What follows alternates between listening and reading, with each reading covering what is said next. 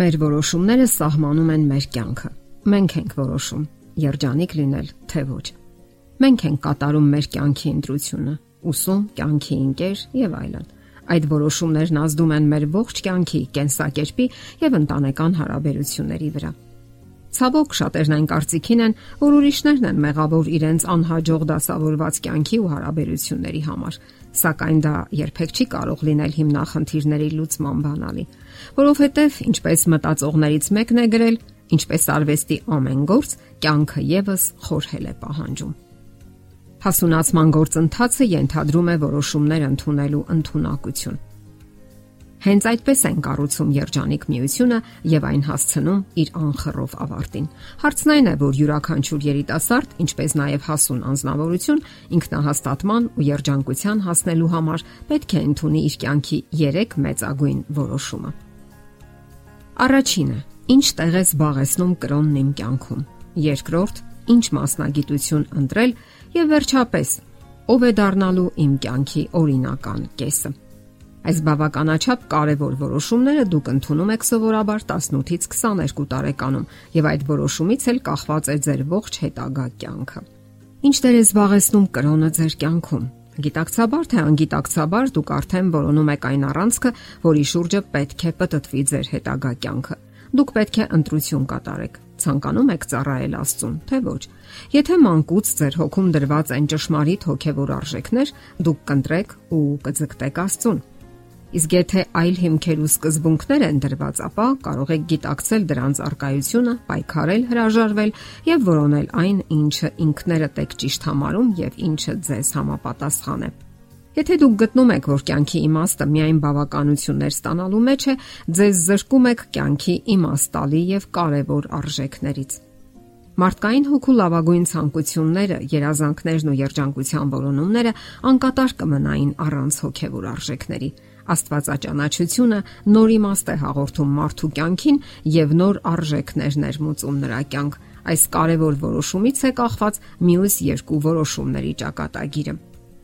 Եվ այսպես, ինչ մասնագիտություն ընտրել։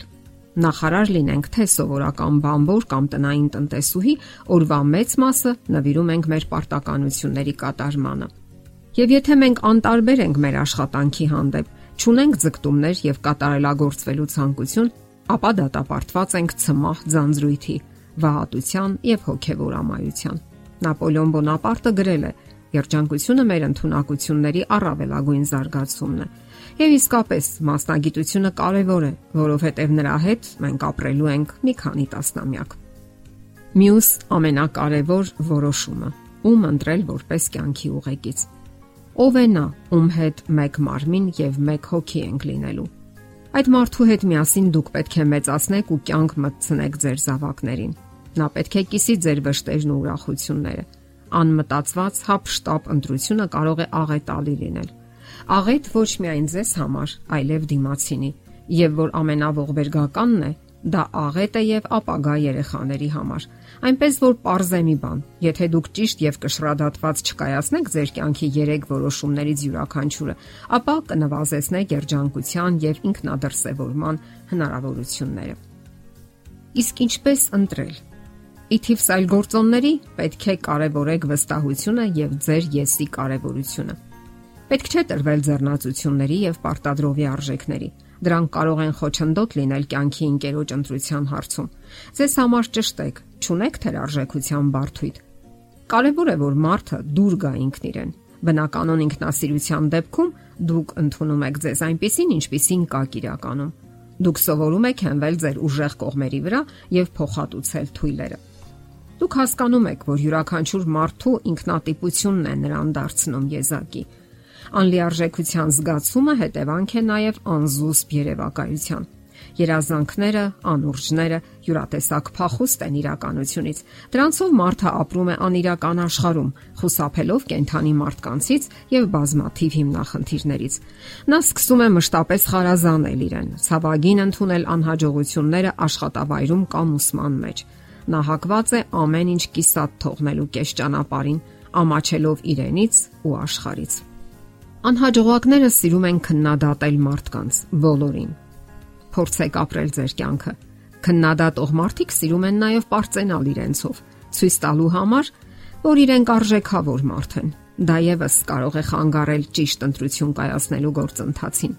Ընդհանրապես ընտրության ժամանակ հավատացեք սեփական որոշումների խելամտությանը։ Հակառակ դեպքում առաջին սիրահարվածության ռոմանտիկան կթունավորվի անվստահությամբ եւ կասկածներով։ Մեկն իրեն տգեղ է թվում, մեկն իրեն պեպենոտ կամ շատ սպիտակ, իսկ մյուսին անհանգստացնում է իր ճափից շատ նիհարությունը կամ էլ գիրությունը։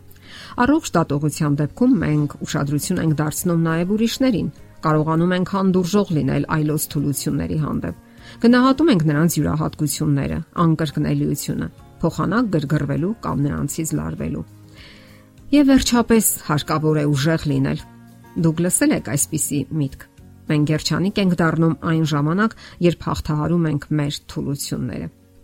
Հաղթահարեք ամենից առաջ ձեր թուլությունները։ Ձեր կյանքի ղեկը ձեր ձեռքին է։ Եթերում է ճանապարհ երկուսով հաղորդաշարը։ Ձեզ հետ է Գեղեցիկ Մարտիրոսյանը։ Հարցերի եւ առաջարկությունների համար զանգահարել 033 87 87 87 հեռախոսահամարով։